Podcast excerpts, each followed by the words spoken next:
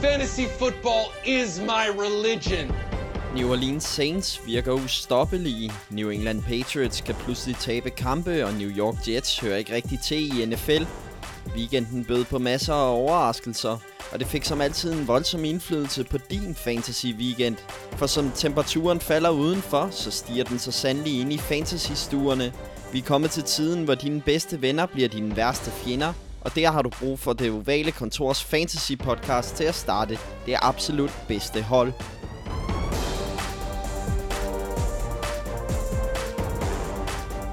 For at hjælpe jer har jeg, Frederik Pelle, taget min sædvanlige gæst, Andreas Appelgaard med. Velkommen. Hej Frederik, mange tak. Så er der fantasy. Det er der. Hvordan var din weekend? Den var brutal, vil jeg sige. Jeg tror, at øh, der, var, der var i hvert fald et par ligaer, hvor det, hvor det nu ser rigtig, rigtig svært ud med slutspillet. Jeg tror, der skal jeg nærmest, øh, der skal jeg nærmest vinde ud eller et eller andet for, for at, at kunne nå, nå op og være med. Men øhm, omvendt så er der også stadig i hvert fald en liga, hvor det ser rigtig, rigtig godt ud for mig, og den, øh, den betyder rigtig, rigtig meget. Det er den der Geeks-liga, vi tidligere har talt om, hvor vi mødes offline og sådan noget. Ja, der, er du, der fører du faktisk i din, din div- division. Det gør jeg. Har et meget, meget vigtigt opgør her i, i den her uge mod uh, Fireball, som også har været gæst her i podcasten. Og som åbenbart lytter med. Jeg har en fornemmelse af, at han samler de spillere op, vi anbefaler her i podcasten. Ja, det er skrækkeligt. Og alligevel bed han ikke på din, øh, eller vores Jets anbefaling i sidste weekend. Nej, jeg... Men det var fordi du havde ham. Ja, Eller havde Jets. Ja, jeg tror faktisk, det var det, jeg havde på Jets. Jeg tænkte, den giver, den giver simpelthen så god mening. Og jeg streamer hele tiden forsvar i den liga, så det var, øh, det var ikke en succes, men, øhm, men det kan være, at jeg har bedre held med det næste gang, når jeg, når jeg forsøger at finde et forsvar, der er god i en enkelt uge. Det kunne man håbe på. Men øh, interessant weekend alligevel. Patriots tabt.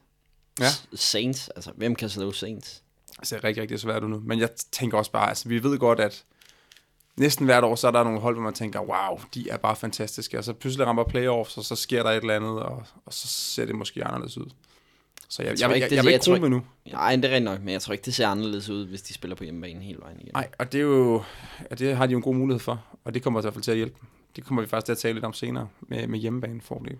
Hjemmebane, det er noget af det, vi skal se nærmere på. Vi skal også kigge lidt på øh, den sorte bog, Ja, hvor vi skal have, vi har, vi har fået skrevet en del navne ind, men øh, der skal flere ind i den bog der. Der er flere spillere, som ikke er aktuelle i fantasy-sammenhæng. ja. Og det skal vi altså kigge nærmere på. Men øh, ah, mm. vi er ved at være der. Man kan ligesom mærke spændingen. Nu kommer fantasy øh, playoff snart, og så kommer playoff i NFL også. Og ja. Altså, nederlagene gør, gør mere og mere ondt, synes jeg, når man får dem. jeg er kommet til det punkt, hvor øh, jeg i mange ligaer ikke regner på øh, stillingen. Fordi øh, jeg kan godt regne ud i nogle af de ligaer, der, der, der er chancen måske rådet. Og så vil jeg helst ikke erkende det endnu, så erkender jeg det lige ugen efter. Ja, Øhm, men mens jeg i andre, der er det simpelthen bare for spændende at begynde at regne. Men man skal jo begynde at regne på udfald og sådan noget. ja Eksempelvis i den der Geeks Liga, der, der ligger jeg også til Playoff PT.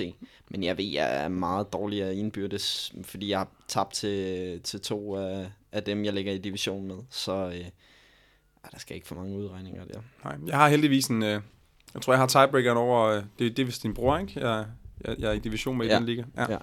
Og ham, ham slog jeg, så... Men, men har mødtes to gange, så det er spørgsmålet om den Åh, anden kamp ja, der. det- Ja, det ligger nok tidligere i sæsonen, så det ja. kan jeg faktisk ikke huske. Nej, det, er et- det er et stykke tid siden. Det har været en lang sæson, føler ja. man lidt. Ja. Men omvendt føler man også, det er super kort, fordi lige om lidt så er sæsonen slut. Ja, sådan er det altid med NFL, synes jeg. NFL, det kan I følge øh, meget mere om inde på gulklud.dk. Det gik meget godt. Det gik okay. Det er Danmarks største NFL-site. Der, der finder I alle nyheder. I finder analyser. I finder Claus Elmings momentometer. Nu har han også sammen med skribenterne inde på Google Klud øh, lavet et termometer, der ligesom kigger nærmere på, hvem skal være MVP i, øh, i denne sæson. Det talte vi også lidt om i, i sidste weekend. Ja. Jeg siger stadig Drew Brees. Ja, altså man kan sige, at han øh, er blevet ved med at levere jo, så, øh, så ja, det, det giver stadig meget god mening. Øhm, så ja, I, I kan læse også hans spiltips derinde, inde på Google Klud. Claus Elmings spiltips selvfølgelig. Så kan I også deltage i DM i Daily Fantasy. Det gør I ved at gå ind på Dynasty 2544's Facebook-side. Det handler simpelthen om at stille det bedste fantasyhold uge for uge. Det koster 20 kroner at være med. Og så vinder du altså hele puljen, hvis, øh, hvis du har stillet det bedste fantasyhold. Og det er altså ikke, fordi der er 100.000 med i den der konkurrence. Der er en god pulje at vinde, og der er god chance for at vinde den, hvis altså du tror på dine evner. Og så husk at abonnere på det ovale kontor, der får du ikke bare den her podcast, men du får også det andet. Øh, det er jo den anden podcast, øh, det ovale kontor, som øh, analyserer, så, øh, analyserer jeg frem mod weekendens kampe. Øh, det fik jeg kørt meget godt rundt i, men husk at abonnere på det. Og så skal vi tage mm. nyheder. Ja, det er jo selvfølgelig med en øh, fantasy-vinkel, og derfor øh, tænker jeg, at du ligger ud med den absolut vigtigste fantasy-nyhed Ja, i den her uge. Jamen, det vil jeg rigtig gerne gøre. Den absolut vigtigste fantasy-nyhed, det er, at Denzel Perryman, linebacker for Chargers, blev skadet. Og hvad kommer det til at betyde for Chargers forsvar? Det er det, alle må, må tænke, og, uh, tænke og, eller spørge om lige nu. Og for, øh, for jer, der ikke øh, har været med hver gang, så er Andreas stor Chargers-fan, så det er derfor, Ja. ja. han, han har fået lov til at vælge den første nyhed i dag, og det er altså Denzel Perryman. Jeg vil faktisk sige, jeg har ham faktisk i vores uh, Dynasty-liga, så uh, der kommer det til at gøre ondt, fordi jeg har ikke så mange andre gode linebackers at tage så, så der rammer den mig hårdt. Men hvis vi lige skal tage den, det rammer løbeforsvaret. Ja, det, det skulle man tro. Det er Jatavis Brown ser ud til, der, der skal erstatte ham. Han kommer i hvert fald ind her i weekenden. Og han, øhm, han var rigtig god for et par år siden, så var det som om, at det fæste lidt ud for ham, og så spillede han okay her mod Raiders, men det ved jeg ikke, hvor meget man som kan ligge i. Jeg vil jo anbefale, at de startede Nick Sopnar, vores gode ven. Ja, ham har vi, øh, ham har vi haft i, på mange mattenhold. Jeg har da en, øh, en trøje med ham, du har lavet til mig. Ja. Hvem, ja. Hvor mange i Danmark har en Nick Sobnar trøje? Ja, der, det kan nok tælles på, på én finger, det vil jeg næsten tro. Det tror jeg også. Øh, men i hvert fald, Chargers defense er vel stadig relevant. Ja, de spiller jo ret godt, og ja, vi har jo snakket om det mange gange. Joey Bosa, hvornår kommer han tilbage? Og jeg begynder at tænke, at det godt kunne være den kamp, vi skal over se mod Steelers, der ligesom er, er målet for ham lige nu, fordi de har Broncos og Cardinals indtil der, og der tænker man måske, at der kan vi godt undvære ham, så er ingen grund til at, at rushe noget, eller, eller forsere ham tilbage. Men, men det er jo lidt svært med, med, med, med skader og den slags, fordi man har, man har Ja. hørt flere gange, at nu handler han næsten ikke, og så er der sådan lidt stille igen, ikke? Jeg tænker, de skal spare ham også mod Steelers. Jamen det kunne du nok godt tænke dig. Jeg kunne godt tænke mig at se ham live, jo. det kunne være fedt. Overfor Alejandro Villanueva. Det er heller ikke den fedeste kamp at komme tilbage til faktisk for ham så, fordi Villanueva er virkelig god. Øh, Man kunne smide ham tilbage mod Cardinals, som ikke har den bedste linje, hvor han formentlig kunne have det lidt sjovt. Ja. Eller det kunne være øh, Broncos når at promote Andreas Knappe inden øh, weekenden, og så kunne det blive en Bosa Knappe. Ja, det kunne være fedt. Ja, men øh, det er så urealistisk. Øh, hvis vi lige tager øh, fantasy-brillerne på for alvor, så den største nyhed i weekenden, det var Cooper Cup, som er en øh, rigtig produktiv receiver. Han er done for the year. Man ved bare, sad jeg og så den kamp, man ved bare, hvornår at det er galt. Det er det, når receiveren, running backen, quarterbacken, whoever, løber untouched, og pludselig lægger sig ned, så ved man, så er det ACL. Og det er nu er jeg jo ikke bio, øh, biolog, fysiolog, øh, whatever. Det er fandme mærkeligt så ofte, det sker i NFL. Altså, men det er jo meget med at cutte og, og så videre. Ja, jeg har også set flere, der har prøvet at gøre sig kloge på sådan noget. Især når de kommer tilbage, eller i starten af en training camp og sådan noget, så har jeg læst mange, der siger, at det, det er forkert træning og sådan noget. Du har ikke, de har ikke trænet ordentligt, så deres muskulatur er ikke, eller liden er ikke tilpasset ordentligt til den måde, de skal spille på. Um, det var for eksempel det, folk sagde omkring Hunter Henry, tight end for Chargers, der er ude. Måske kommer tilbage til playoffs, har jeg hørt rygter Nu, om. nu vil jeg ikke springe en nyhed, for vi har ikke snakket Cooper Cup færdig. Men Nej, det, det leder os jo faktisk til, til den næste nyhed, som er lidt en gammel nyhed. Des Bryant, som kommer tilbage, og så river han øh, korsbåndet over. Ja, det er sjovt. Vi sad for en uge siden diskuterede, øh, altså signer Saints ham, gør de ikke øh, frem og tilbage, og så gør de det, og jeg tænkte, ja okay, den, øh, den havde vi lidt luret. Og så så han bare, så han done dagen efter. Jeg sagde, man skulle holde sig for Des Bryant. Han Ja. er done. Jamen, givet, der var vel nok nogen, der har noget at samle ham op lige der i det vindue. Der var rigtig mange. Jeg så også Fireball. Ikke fordi vi skal tale meget om Fireball, men han havde ham i starting lineup. Ja, beviser, at han lytter til podcasten, så, Så det er jo meget godt. Så lyttede han til den en ekstra gang, og så samlede han Marquez Wallace Scantling op, og, som ikke rigtig performede, og han har også cuttet ham allerede. Men jeg siger stadig, jeg tror stadig på Wallace Scantling. Jeg var faktisk tæt på at samle Wallace Scantling op, netop i den liga, mm. selvom jeg har det var til Adams. Fordi jeg tænkte bare, der er ikke nogen andre, der skal have ham. Nej, ja, præcis. Så vil man Men- hellere af med en, der måske sidder og har skuffet på bænken og ikke leverer så meget. Men øhm, ja, Men øh, så, øh, jeg kunne ikke finde en, jeg ville af med. nej, det jo lige det. Men øh, lige på det hold, der mistede jeg så Cooper Cup, så det ville jo være en øh, passende erstatning. Øh, lad os lige gå tilbage til Cooper Cup. Ja. Fordi, øh, hvem er afløseren for Cooper Cup? Jamen, øh, det er vel Josh Reynolds, der kommer ind og skal afløse ham, sådan en til en-agtigt. Øh, ja, det er selvfølgelig ikke den Ikke- samme spiller, så det er ikke det, jeg mener, men altså, det er jo ham, der, der kommer ind og får de targets, der vil være til over, som Cobb ikke kan få. Nu taler man meget om Josh Reynolds, og han kommer også til at spille en rolle, fordi de kører det her med tre receiver på næsten 90% af play. Så han kommer ind på, og hvad, han kommer til at spille på stort set alle plays, men han, ryger, han spiller kun yderside. Det betyder, Robert Woods, hør det her. Robert Woods fra nu af, og de kommende 3-4 uger, han bliver based. Han bliver vanvittig. Så han spiller slotten. Han kommer ind ja. Ja. og spiller slotten, og han kommer selvfølgelig flexer han lidt med Cooks, som også kan spille inside. Men det bliver primært Robert Woods, hvis man ser øh, procentmæssigt, hvor mange øh, snaps han har fået i, i slotten.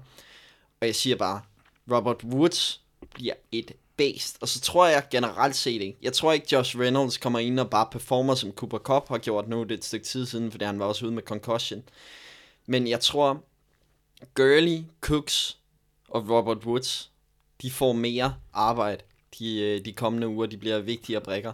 Så øh, Så de store vinder er dem, der har de tre spillere, og til dels måske Reynolds en lille smule. Reynolds bliver interessant, specielt nede i red zone. Han havde også to touchdowns. Problemet med Reynolds, når man ser det fra et fantasy-perspektiv, han har ikke så mange targets. Han kan godt løbe den dybe rute også, og øh, som sagt, fordi han er høj, han er farlig i red zone. Men han er svær lige at smide ind i starting lineup, fordi ja. at han får ikke nok targets. Så han er lidt ligesom en Tyrell Williams Men for han er- Chargers, hos Rams. Ja, det kan man sige. Ja.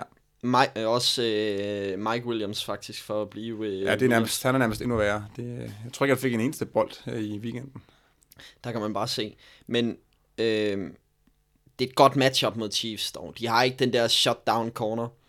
Der kunne han godt få en rigtig god kamp. Det, det bliver formentlig en uh, high scoring kamp, og ja. det skulle undre mig, hvis ikke han performer et eller andet. Men de kommende uger, selv hvis han præsterer godt mod Chiefs, så er det ikke sådan, at man bare lige no-brainer starter ham uh, ugen efter. Nej, der skal man kigge på det enkelte matchup, tror jeg.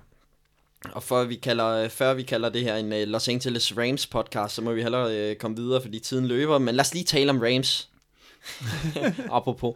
Fordi den kamp, den er jo blevet rykket fra Mexico City, Azteca, det berømte stadion, hvor jeg har været med min hustru. Kæmpe moment. Hun forstod ikke helt, hvorfor jeg synes, det var uh, helt utroligt. Stadionet var tomt, men jeg, jeg vil have en tur ind og, ind og se stadion, ind og se, hvor Maradona ikke bare lavede Guds hånd, men måske også det bedste mål nogensinde scoret i, i VM-historien, hvor han afdriblede øh, hele det engelske landshold.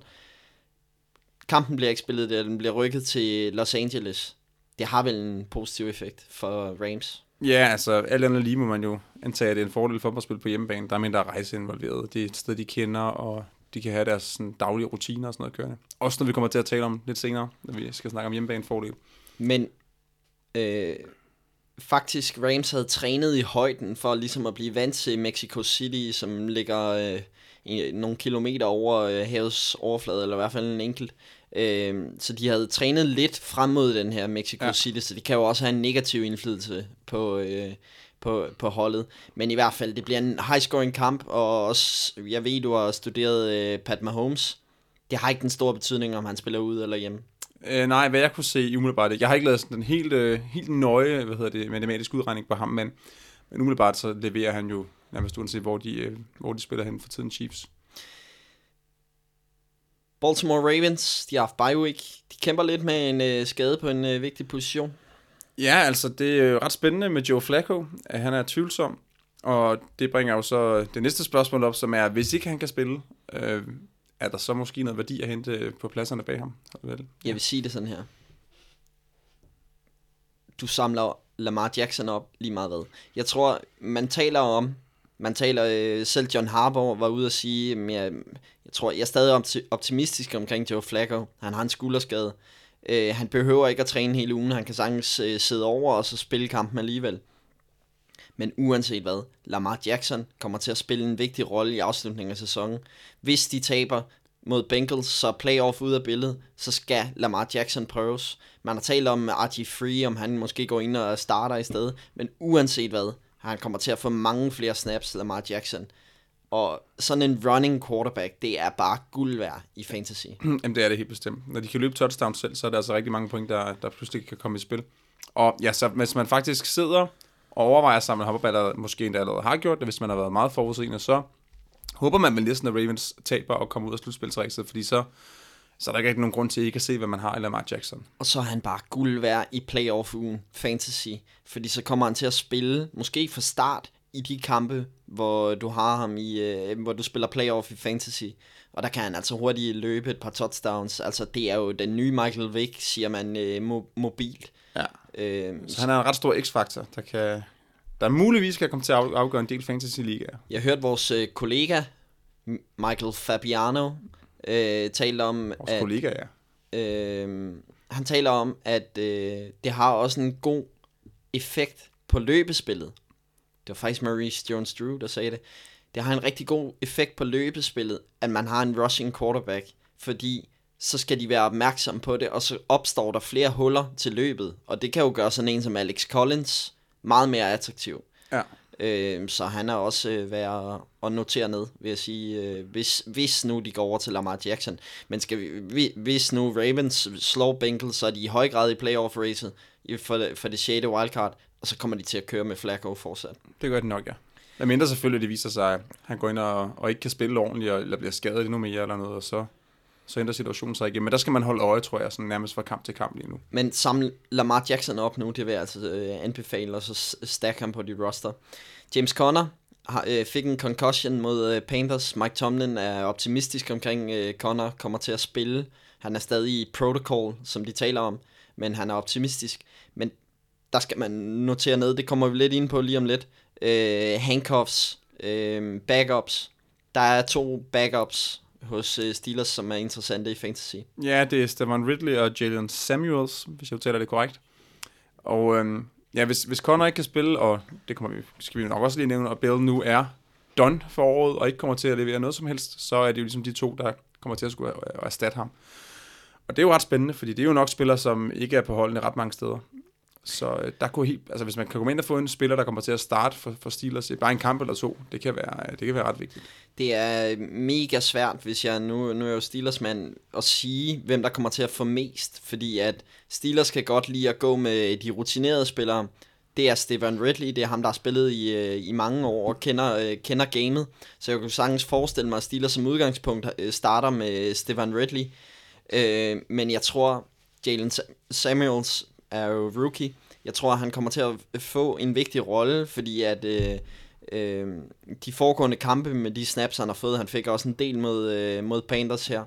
Han er rigtig god i pass protection, og det betyder noget for Steelers at have en running back, som er god i pass protection. Han er god i kastespillet, og øh, jeg tror, at han kommer til at få mest øh, pointmæssigt fantasy. Så vores anbefaling er at gå ud og hente Jalen øh, Samuels. Ja, hvis man vil handcuffs så øh, Ja. ud af det. Og så øh, her til sidst, nu, nu lukker vi den. Det er sidste gang, vi taler om ham i, i år. Le'Veon Bell. Vi har talt om ham i hver podcast, men han, han mødte altså ikke ind. Nej, han må være den spiller, der har fået mest omtale på et fantasy-podcast nogensinde, hvor han har leveret 0 point i en sæson. Og øh, der vil jeg jo bare sige, vi sagde fra starten, fra uge 1, uge 2, trade ham eller cut ham. Ja. Hvis ikke I lyttede, hvis I har holdt ham på roster, så er det jeres egen skyld. Ja. Øh, der kan man jo lige med Le'Veon Bell, for at vende tilbage til det, vi talte om før, med, du siger med ACL. Det er jo nok også noget af det, han har haft som overvejelse. At han ikke har spillet hele året, så han kommer ind og river korsbåndet over. Altså, det vil jo være en katastrofe for ham. Ja, så der fordi- er ikke nogen grund til at tage den chance. Nej, det er rigtigt, for så, så ser markedet pludselig helt anderledes ud for ham i offseason, og så får han måske ikke den store, eller højst sandsynligt ikke den store kontrakt, som han gerne vil have. Og jeg siger ikke, at han var mødt ind, hvis ikke det var sket for Des Bryant, men det har nok bare bekræftet det endnu mere for ham, at se Des Bryant komme ind, og så rive øh, korsbåndet over. Ja, helt sikkert. Skulle vi lige uh, handcuffs der generelt også? Jamen, øh, lad os bare gå videre til waiver wire, øh, Ja, det kan vi godt. og lad os bare starte med handcuffs. Så, altså handcuffs, for at forklare det for, for jer, øh, hvis I ikke er helt med på det, så handler det jo om at tage backup running backen for nogle af de der stjerner, og ligesom øh, sikre sig, hvis de bliver skadet, eller sparet, eller whatever. Det er jo det, der er effektivt nu her. Vi talte om for nogle podcasts siden, øh, en, der havde et problem med, at han havde Todd Gurley, men hvert år han var i playoff, så var Todd Gurley der ikke, fordi at de sparer ham. Og der er det jo godt at handcuff sig og have backupen, og det er jo en af de backups. Ja, altså Malcolm Brown øh, fra, øh, for, øh, hvad hedder det, undskyld, for Rams Øh, han, øh, ja, altså hvis Gurley ikke kommer til at spille, så vil det være ham, der umiddelbart er aftageren til den plads. Jeg har faktisk allerede selv været ude og hente ham i en enkelt liga.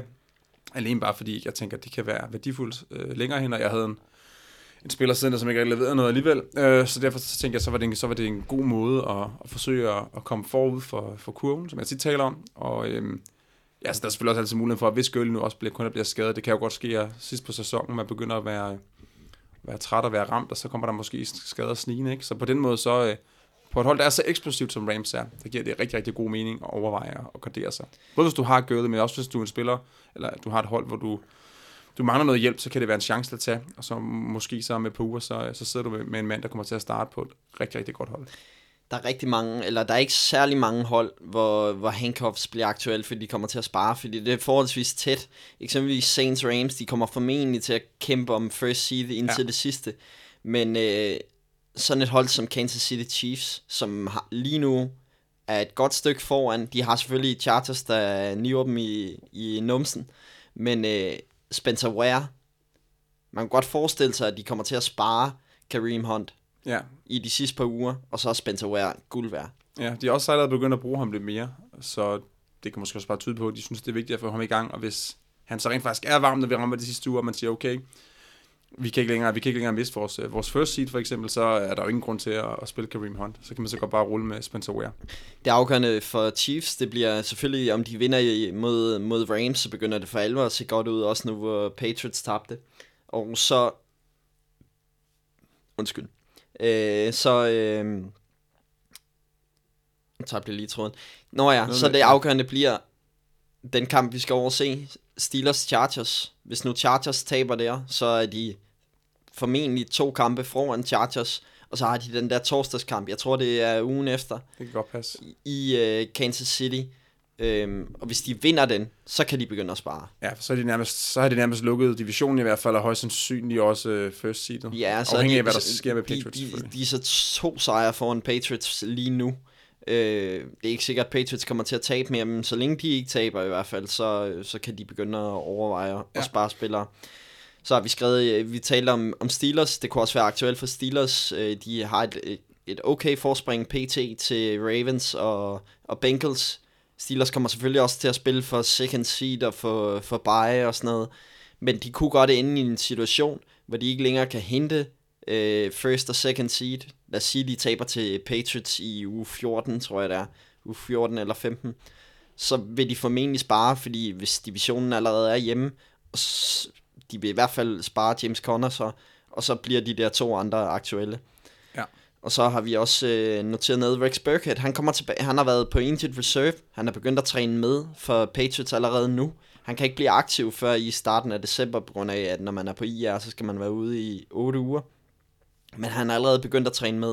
Jeg kunne godt forestille mig en situation med, at han kommer tilbage, og så vil de ligesom løbe ham varm til playoffs. Ja, det giver også meget god mening. Især også, hvis de er en situation, hvor divisionen i hvert fald er hjemme for dem. Så, øh, og især også, det er, også, det er jo hele tiden afgørende, altså hvordan ser det ud i forhold til slutspils, øh, eller buy-mulighederne og sådan noget. Men hvis de ligesom er i en situation, som de andre hold, du lige har nævnt, hvor de ikke rigtig kan tabe noget, de kan heller ikke rigtig vinde noget, så kan man så godt se, at man ikke kan få Rex i gang. Du har skrevet andre øh, waivers. Ja, hvis, vi, hvis vi lige skal blive den her del med, øh, med sådan en spiller, der, der kan blive aktuel, så øh, det er Ontay Foreman, øh, running back for Houston Texans.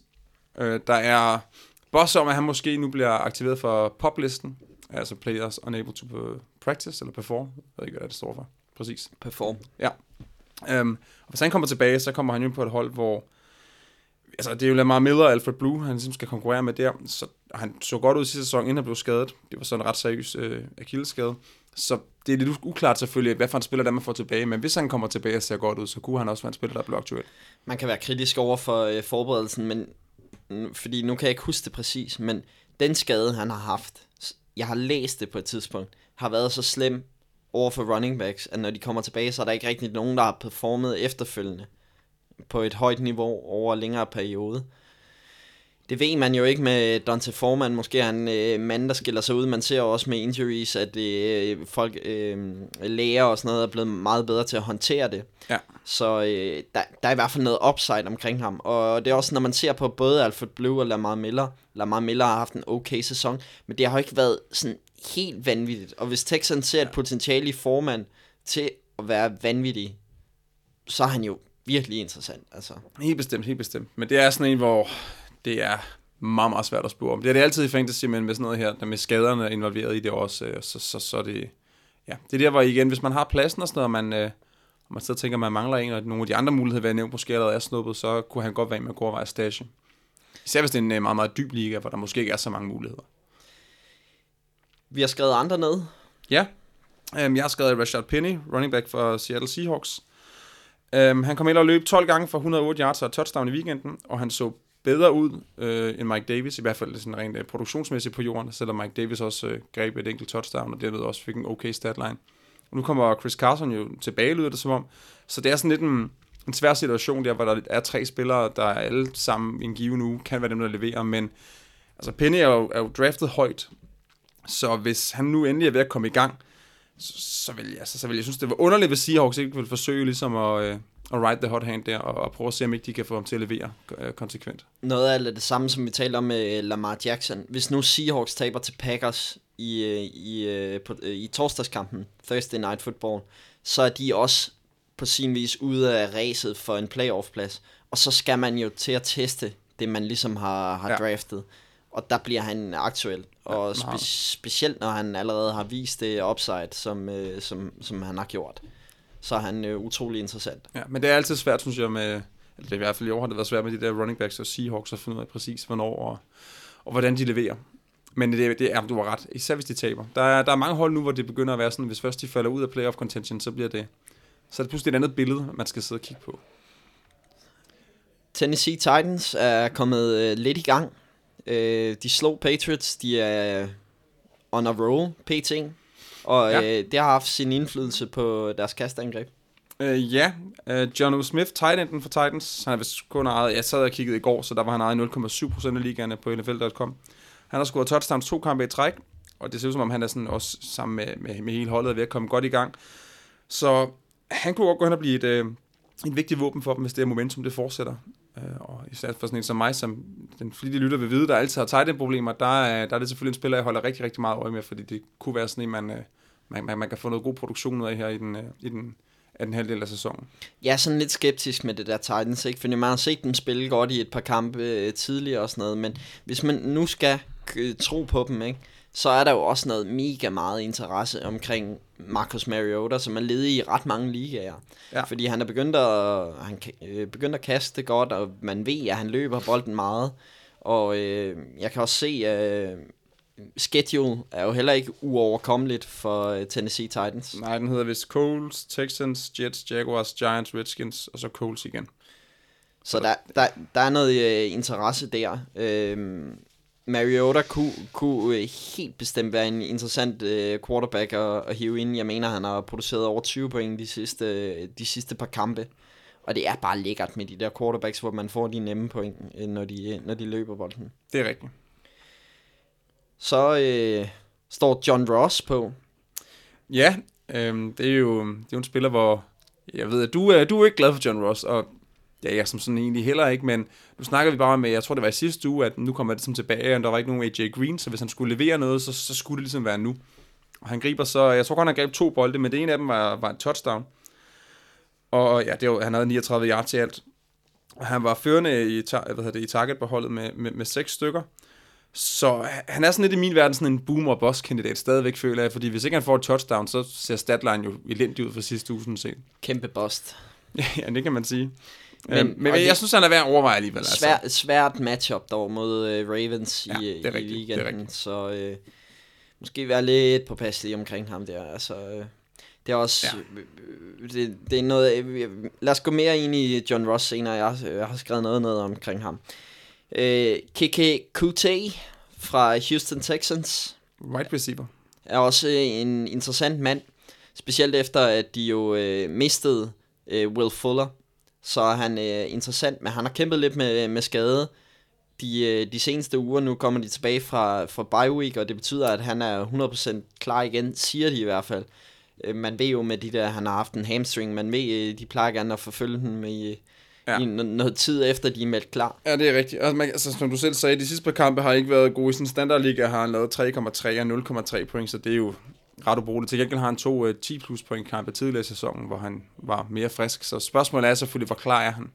Fordi hvis han er klar, så, øh, så er der helt klart noget at hente, tror jeg. Men på den anden side, hvis han stadigvæk øh, døjer med skader og sådan noget, så, altså, så kan det godt være, at det er bare en, der ikke kommer til at levere så meget. Men igen, det kommer an på ligaen, du sidder i, hvem er ledig på markedet. Har du nogle pladser, du kan hive ind? Mangler du virkelig bare en receiver?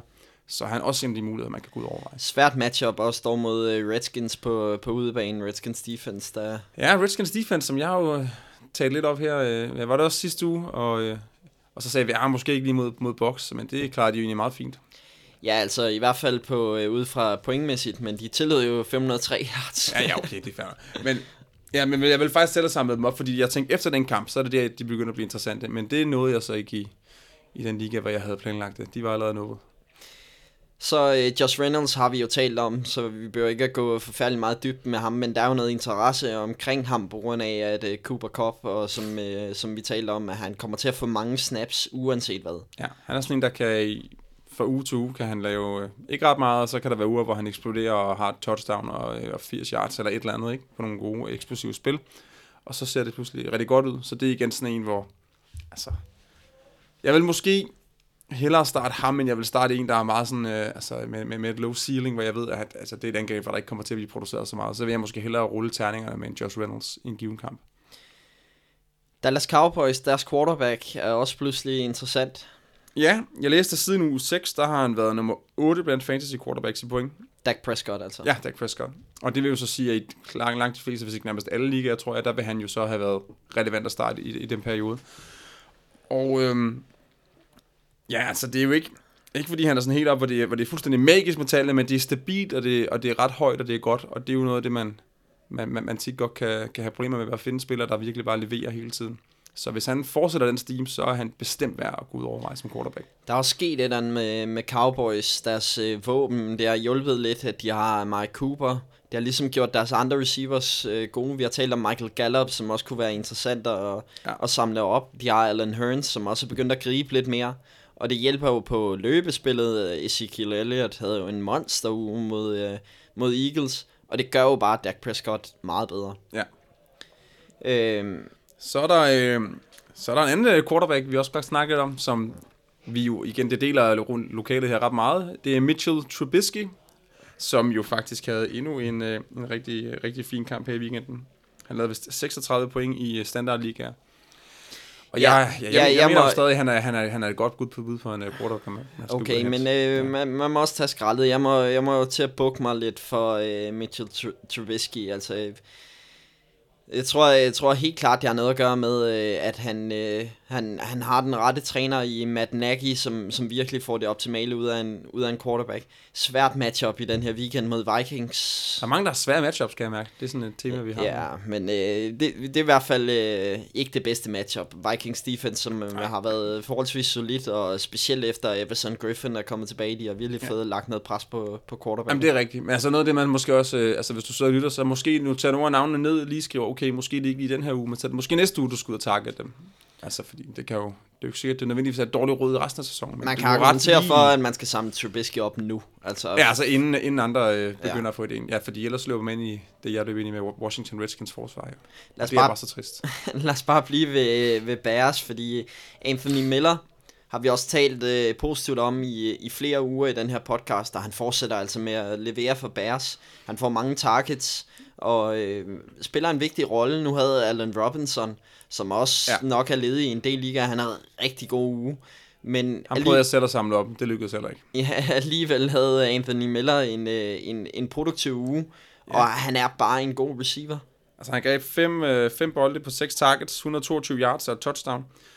Og han fik flere, tre flere targets end Taylor Gabriel for eksempel, så det tyder på, at han efterhånden er nummer to i, i hakkeordnen hos, øh, hos Bears. Og jeg kunne sagtens forestille mig, fordi øh, jeg er ikke vanvittigt imponeret af Allen Robinson. Øh, jeg kunne sagtens forestille mig, at han i flere uger er den bedste receiver på, på det hold der, så der er helt klart. Måske i hvert fald den mest stabile, ja, der leverer ja. point hver uge. Så øh, også fordi Allen Robinson formentlig øh, ofte kommer til at stå over for den bedste corner. Ja. Så i, i, i den kommende weekend mod Vikings kommer han nok formentlig til at stå over for Xavier Rhodes. Øh, nu har de så også gode, andre gode corners på, øh, på Vikings, men øh, det kunne åbne op for Anthony Miller. Ja. Men øh, så tror jeg egentlig ikke, vi har... Øh, nu fik vi også øh, vendt en del øh, waiver wire. Men, Ja, jeg synes, der er en del, man kan gå ud over i hvert fald. Det er jo også sent på sæsonen, så altså, mange gode spillere er jo på hold nu, og dem får du ikke fat i. Men øhm, man skal jo selvfølgelig stadigvæk prøve at se, om der er nogen, der har snedet sig igennem øh, en garnet, så at sige, og stadig er til at få fat i. Vi har øh, snakket lidt om, øh, om hjemmebanefordel og sådan noget. Øh, jeg ved, du har, du har gravet dybt i, øh, lad os bare kalde det øh, The Dome Factor. Ja, det var sådan set, det var det, lidt det, det startede med. Jeg havde sådan en idé om, at man kunne kigge på noget af det her med spillere, der præsterer bedre, for eksempel ude, eller undskyld, hjemme end ude. Det kunne i, i og for sig også have været omvendt. Så jeg besluttede mig for at kigge lidt på nogle af tallene. Og noget af det, man, man nogle gange hører om, det er det her med især quarterbacks, der spiller i domes, og at de præsterer bedre på hjemmebane, fordi det er mere kontrolleret miljø og den slags ting.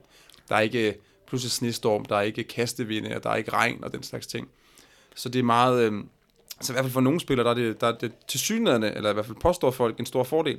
Og på, på Domes, skal det siges, der har det også en, en, en rigtig stor indflydelse, det der med hjemmepublikum, fordi at det kan blive, lyden kan blive så utrolig høj i en dome, fordi det Ja. er inde i en hal. Så hjemmepublikum råber og skriger, så længe modstanderholdets offense er på banen. Men lige så snart, at, lad os bare starte med den øh, mest oplagte i, i den her situation, Matt Ryan, lige så snart han kommer på banen, så er der, så er der stille, så han kan kommunikere med, med, med sit hold. Ja, altså nu skal jeg jo ikke tage igennem hele udregningen, men jeg, det jeg gjorde var reelt set, at jeg, jeg kiggede på de kampe, de har spillet i år, øh, en række quarterbacks, øh, blandt andet Matt Ryan, som spiller i en dome, og så har jeg lagt pointene sammen, og så har jeg prøvet at se på, hvad er differencen egentlig for ham, når han spiller hjemme kontra ude. Og der fandt jeg ud af, at han leverer 11,437 point flere øh, altså point på hjemmebane i forhold til, når han spiller ude. Så det er jo faktisk en ret, ret stor forskel, og gør også, at jeg synes, det er ret relevant med sådan en som ham, at gå ind og se på for uge til uge, jamen altså, er han, er han spiller han hjemme, har for eksempel et par hjemmekampe i træk mod knap så gode hold, så han er rigtig, rigtig meget værd. Skal han spille ude i koldt vejr op nordpå, måske ikke så meget værd, som han ellers ville være. Og øh, det bedste eksempel er bare fra weekenden, hvor han jo havde en elendig kamp mod Cleveland Browns på udebane i kulden Ja. og i øh, ukomfortable øh, forhold. Altså, der falder han kraftigt i niveau. Ja. Øh, ja, det må man sige. Han er en af dem, hvor, hvor man virkelig kan se dem. Så kiggede jeg også på Drew Brees for Saints, der jo også spiller i en dome på hjemmebane. Der er det knap så meget, men stadigvæk signifikant. Der er forskellen, at han scorer 6,5 point flere på hjemmebane. Og jo også selvfølgelig stadig noget at holde øje med, men Breeze selvfølgelig og Saints generelt er et rigtig godt angreb, så de leverer jo også, det gør Falcons også sådan generelt, men, men stadigvæk der, det er, øh, det er sådan noget, man, man kan holde øje med, især når man, når det, man kommer langt hen, og der måske ligger en anden quarterback på markedet, der også er varm, så kan man jo overveje til de afgørende kampe, jamen er det så nu, man skal gå ud og hente ham ind og starte ham i stedet for, fordi at der kommer en rigtig, rigtig svær udbanekamp for en, af de, for en af de her spillere, for eksempel. Og man kan jo argumentere for, at det taler for det der med at have to quarterbacks på, øh, på ens roster. Ja. Fordi jeg har faktisk i mange år bare arbejdet med en quarterback, øh, hvis jeg har en god quarterback selvfølgelig. Jeg kan også nogle gange lide det der med at skifte quarterback fra uge til uge. Altså på waiveren, se hvem der har det gode Ja, matchup. altså, altså stream dem simpelthen. Ja, lige ja. præcis. Øh, men, men hvis man ser på Falcons møder Cowboys på hjemmebane i denne her uge, det kunne godt blive en, en god kamp for, for Matty Ice. Det tyder tallene i hvert fald på. Det er selvfølgelig kun en halv sæson, jeg har kigget på. Altså jo, så der er selvfølgelig den statistiske usikkerhed, at det bare kan være, fordi de har mødt dårlige hold, eller han har haft en god uge, eller han har været pladet nogle skader på nogle udbanekampe, eller sådan nogle ting, men vi måske ikke altså lige ved, og som det er, er svært at fakturere med. Så selvfølgelig, jo flere tal man har, jo mere sikkert vil det her jo nok blive. Cowboys, Cowboys defense har været bedre i år, end, end hvad man normalt ser for Cowboys defense, så det, det skal man selvfølgelig notere ned. Men også bare når, det- når det er i Atlanta, øh, så, så har man en eller anden fornemmelse af, at der er større chance for det her, det bliver en high-scoring game, end en low-scoring game. Ja, og det hjælper jo alt andet lige for fantasy-ejerne. Og det er det, det, det samme. Det kan også have en positiv indflydelse på øh, Dak Prescott i den her situation. Hvis, ja. hvis den bliver øh, Matty Ice øh, bliver flyvende, ikke, så kommer Dak, Prescott til at, at Jamen, levere ud for det. Og, øh, og det samme med, øh, med New Orleans Saints. De er også på hjemmebane, og de kommer formentlig til at sætte en del point på tavlen. De møder Eagles. Det gør også Carson Wentz interessant. Ja. Selvom øh, det er svært at spille i øh, Mercedes-Benz øh, Superdome i, øh, i New Orleans, så, så bliver det formentlig en high-scoring kamp. Jeg er svært ved at se Eagles defense i hvert fald holde Breeze nede, og det tvinger jo Carson Wentz til at kaste til at kaste meget, ja. Det, det er ret øh, interessant. Øhm, Jeg valgte så også at kigge på en tredje spiller, der spiller på hjemmebane i en dome. Kirk Cousins for Vikings. Og der var, øh, der var jeg faktisk overrasket over, at øh, differencen var, at han scorer 9 point færre, når han spiller hjemme. Så man kan sige, altså det betyder jo så i hvert fald, øh, at man kan ikke bare per definition sige, om han spiller i en dome, så han er altid god på hjemmebane, kontra hvis han spiller ude, fordi det er tydeligvis ikke øh, tilfældet her, i hvert fald ikke i den første halvdel af sæsonen for Kirk Cousins. Men det er jo interessant med Kirk Cousins. Det er, at modsat Drew Brees, modsat Matt Ryan, så er det hans første år i Minnesota. Måske ja. skal han vende sig til at spille i en dome, fordi han har spillet mange år i uh, Redskins, hvor de, som spiller udenfor på FedEx Field, uh, som måske er en mere komfortabel med det, og så er det bare en, et spørgsmål om en proces. Måske når vi ser på de her stats om, om et år, så er billedet helt anderledes. Det kan sagtens være. Det er igen, der er jo så mange usikkerheder, som, som det er svært at regne ind i. Det kunne man selvfølgelig, hvis man, øh, hvis man ikke havde andet at lave i sin, i sin tilværelse, så kunne man jo selvfølgelig sidde og regne endnu mere på det, og prøve at finde ud af at isolere nogle af de der ting, og finde ud af, okay, er der nogle andre faktorer, der spiller ind for lige ham her.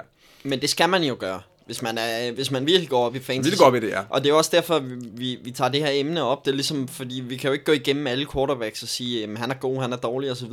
Men, men vi kan jo godt anbefale folk måske at gå lidt mere i dybden, og måske se, hvornår øh, dit og hvornår dat. Ja, man kan se, at hele øvelsen handler jo egentlig om at få jer derude til at tænke lidt over det her, og gå ind og, altså jeg er helt specifikt, især nu, hvor det spidser til, og hvor det er virkelig afgørende, at man har en, der præsterer, så måske overveje, okay, jeg ham jeg har nu, altså er der, altså hvis det er en spiller, der præsterer både på ude og hjemmebane, jamen fint nok, så skal du måske ikke være så nervøs for det, men hvis det er en, hvor der er en tydelig forskel, og du kan jo selv bare tage tallene og regne efter, så kunne det måske være, at du skulle overveje at gå ud og hente en, øh, ja, en anden quarterback ind til det matchup, hvis der ligger en på markedet, som ser ud til at, at have et, en favorabel uh, situation i lige præcis den uge. Du har også kigget på din bedste ven. Ja, jeg har kigget på uh, Philip Rivers, fordi jeg tænkte, okay, nu har jeg kigget lidt på nogen, der, der spiller i Domes. Hvad kunne så ellers være interessant? Og det kunne være at kigge på en, der, ja, hvis man skal være lidt grov, nærmest ikke har en hjemmebane, fordi Chargers, de er tit, uh, det var de også i San Diego, tit øh, i den situation, at der nærmest for flere udhold, i hvert fald mere højtrummende udholdsfans end hjemmefans. Øhm, så jeg tænkte, okay, jamen, betyder det så, at det bare går nærmest til nul for sådan en som ham, eller er der stadigvæk en positiv faktor? Og øhm, når jeg så kigger på tallene, så viser det sig, at i år, der har Rivers leveret øh, 5,8 point mere på hjemmebane. Og en af de kampe var faktisk i London mod Titans, hvilket vil sige, at han reelt set har haft en hjemmebanekamp mindre. Øh, men, men det skulle man jo sådan noget bare tro, måske så vel, vel have ramt ham lidt mere på den statistik, men det gør det faktisk ikke. Øhm, og det er jo også interessant, fordi så kan man så begynde at spekulere over, er det så bare tilfældigt, eller er der noget med det der med, at når du spiller på, på den bane, du er vant til, i det område, du kender, du sover hjemme i din egen seng, du skal ikke ud og flyve og den slags ting, og sove på et fremmed hotel, du aldrig har været på før. og Sådan noget. Måske, altså, er der et eller andet der, der, der alligevel påvirker, påvirker spillere, sådan, især quarterbacks, så de ikke præsterer helt lige så godt, som de ellers ville gøre? Det er jo øh, noget, der er aktuelt i alle sportsgrene, kan man sige. Øhm, i, øh, I Rivers tilfælde, er det, som du nævner, er der ikke så meget øh, med fans, der spiller en rolle. Men der er det der med, at man går ind på, på eget græs. Man, man kender alle hjørner på den bane, formentlig. Øh, man er lidt mere komfortabel. Ja. Det må helt klart give noget. Ja, og det kan være, det egentlig bare altså, i sidste ende bare en eller anden form for mental faktor. Ja, og den er selvfølgelig svær at kategorisere, men, men man kan jo se på tallene, at det til synligheden går bedre for ham, når han spiller hjemme. Selvfølgelig ikke lige så meget som øh, Matt Ryans øh, 11,4 point, som jo er, øh, er rigtig meget, men stadigvæk interessant. Og så kiggede jeg som den, den sidste quarterback, jeg, jeg så analyserede, var Russell Wilson. Og mit, eller min tese her var jo, at øh, Seattle, man, man snakker jo tit om, at det er en af de sværeste steder at tage hen og vinde. Det er en fantastisk hjemmebanefordel, de har, som jeg gik ind i det og troede egentlig, at han ville have et, et positivt øh, udslag der. Men det jeg fandt ud af var, at han, øh, ja, han scorer øh, minus 0,78 point, eller ja, som, øh, 0,8 point, øh, 78 point færre på hjemmebane, end han gør på udebane så det, altså nærmest i nul. Så det ser ud, ud som om, hvis man kigger på hans tal fra i år, at der faktisk ikke har været den store forskel på, om han, om han har spillet hjemme eller ude. Og det er jo også interessant, fordi så... For netop, altså man skulle ellers tro, at øh, når, han, når han spiller hjemme der, hvor der ellers er virkelig, virkelig højt, øh, at spille op i Seattle, at han så vil have den fordel, at publikum rent faktisk tiger stille, når han skulle ind og levere. Og han så på udebane selvfølgelig ikke vil have den fordel, men det ser til synligheden ikke ud til at være noget, man virkelig sådan kan, jeg kan sige, øh, påvirker hans, hans spil, sådan, i hvert fald ikke ud af pointmæssigt standpunkt. Nej, der er mange øh, faktorer, der spiller ind, men det er i hvert fald godt at skrive sig bag øret, at Russell Wilson på en eller anden måde leverer lige meget, hvor han er. Ja, han er, han er baneproof måske. Ej, men igen, det er jo også, altså, ja, når sæsonen er slut, vil det give endnu mere mening at kigge på det her, og hvis, især hvis det er en spiller, der har spillet mange år det samme sted, så kunne man have endnu flere sæsoner, man kunne lægge sammen, for ligesom at se, om man kunne danne sig et, et mere sådan sikkert statistisk grundlag for at sige, at okay, der er faktisk noget om det. Den, øh, den mest oplagte, når man taler om det her udebane hjemmebane, det er jo øh, Ben Roethlisberger, som længe har haft det her ry med udebane hjemmebane, og nu, nu sidder jeg lige og kigger på hans stats her. Han har haft, de her, han har haft et par dårlige kampe på udebane, hvor øh, øh, han åbnede også sæsonen godt nok med, med at spille på udebane mod Browns, hvor han hentede 7 point. Ikke? Men de store kampe, når man kigger på han, de er, de er foregået på hjemmebane. Mod Chiefs hentede han øh, næsten 38 point, og mod øh, Panthers og torsdagskampen, der hentede han 35. Så altså, Big Ben, det, det er bare måske det bedste billede af, at der er en forskel på ude- og hjemmebane, uanset om det er en dome, eller hvad, ja. hvad der sker der.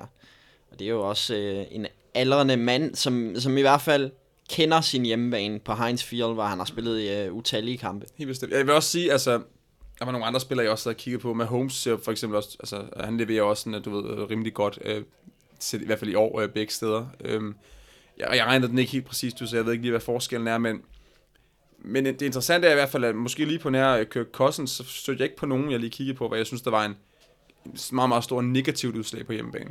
De fleste er enten nogenlunde det samme, eller markant bedre hjemme. Så det er, øh, så ja, det tyder på, at hjemmebanefordel har helt klart øh, en rolle at spille her. Og det er jo så, ja, nu er det så primært quarterback, vi har, quarterbacks, vi har fokuseret på. Og det interessante vil jo så måske også være altså at se på andre positioner. For eksempel kan man sige, at hvis en quarterback spiller godt hjemme, så vil hans våben, altså receiver og tight end, som måske til dels også running backs, hvis de kaster meget til dem, jo også højst sandsynligt få et optæk i point, fordi at, øh, altså hvis quarterbacken præsterer bedre, så gør alle andre det egentlig også bare. Det er sjovt, at, øh, nu, for nu kommer jeg lige til at tænke på en øh, teori. Det er min helt egen teori, og nu, nu slår, jeg det, slår jeg det lige op her. Lavet på stedet simpelthen. Lavet, lavet på stedet. Men øh, min teori var lidt receivers, første receivers, det der gyldne våben. Lad os bare blive ved Falcons. Nu har vi talt meget om Falcons. Julio Jones. Måske er quarterbacks tenderer lidt mere til at gå til deres favorit-target, når de er ukomfortable på udebane. Ja. Og hvis man bare ser på Julio Jones, nu har han så også begyndt at score touchdowns, hvilket han jo ikke har gjort hele sæsonen. Ja.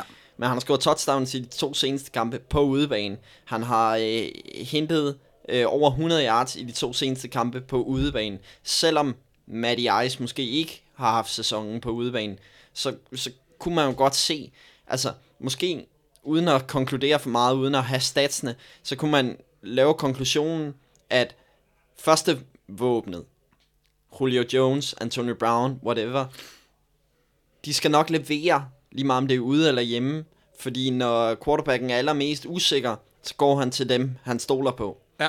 Men det kan have en negativ indflydelse på resten øh, af våbne. Altså... Øh, øh, Et godt eksempel vil også være dengang Matthew Stafford havde øh, Calvin Johnson, ikke? Altså der var det jo, der var jo kampe, hvor han nærmest ikke kiggede på andre receiver, og øh, det var selvfølgelig ikke nødvendigvis altid, fordi han var ukomfortabel, det var også bare, selvfølgelig, det var han Calvin var okay. Johnson. Ja, men, øhm, men ja, der, der er helt klart noget. Jeg skal så lige sige, at jeg, jeg kigger lige på Ryan stats, altså de to sidste udbanekampe har også været hans bedste, sådan rent performance-wise, så ja, altså man skal selvfølgelig tage alt det her med græns salt, men, men det er i hvert fald interessante ting at sidde og kigge på, og det er måske en måde at få en lille bitte fordel over for nogle af de andre i din liga, hvis ikke de overvejer de her ting. Uh, ja, og så kan man selvfølgelig også bare sige, altså generelt, hvis det er udbanekamp, især som vi snakker om nu her, hvor vi kommer over uh, mod uh, den sene del af året, og nogle af de hold, der spiller, for eksempel, øh, hvem, hvem var det? Det var Buffalo mod et andet hold sidste år, hvor de spillede i det der voldsomme snevejr.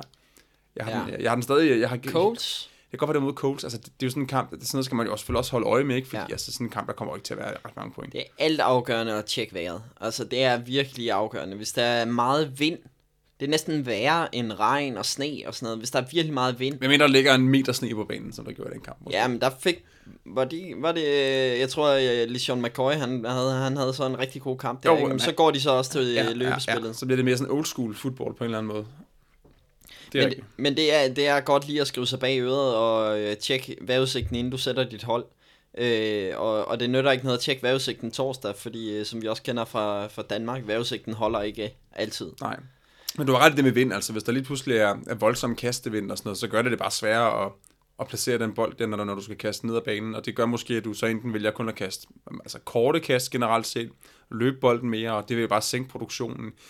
Især på spillere, som er, sådan, altså, som er deep threats normalt, og som er lidt afhængige af, at de får de der dybe bomber. Øhm, ja, vi snakkede for eksempel om Josh Reynolds, ikke? eller Tyrell Williams hos Chargers, eller øh, ja, der er også sikkert også andre eksempler, man kunne komme op med her. Der er det jo, ja, der vil det helt klart være, være, en, være, være en uge, hvor man skal være meget påpasselig med at starte den, hvis man kan se, at øh, det er sådan en kamp, hvor, hvor øh, ja, hvad hedder det, ja, ja hvor, der, hvor der er meget vind. Ja, Ja. egentlig bare det.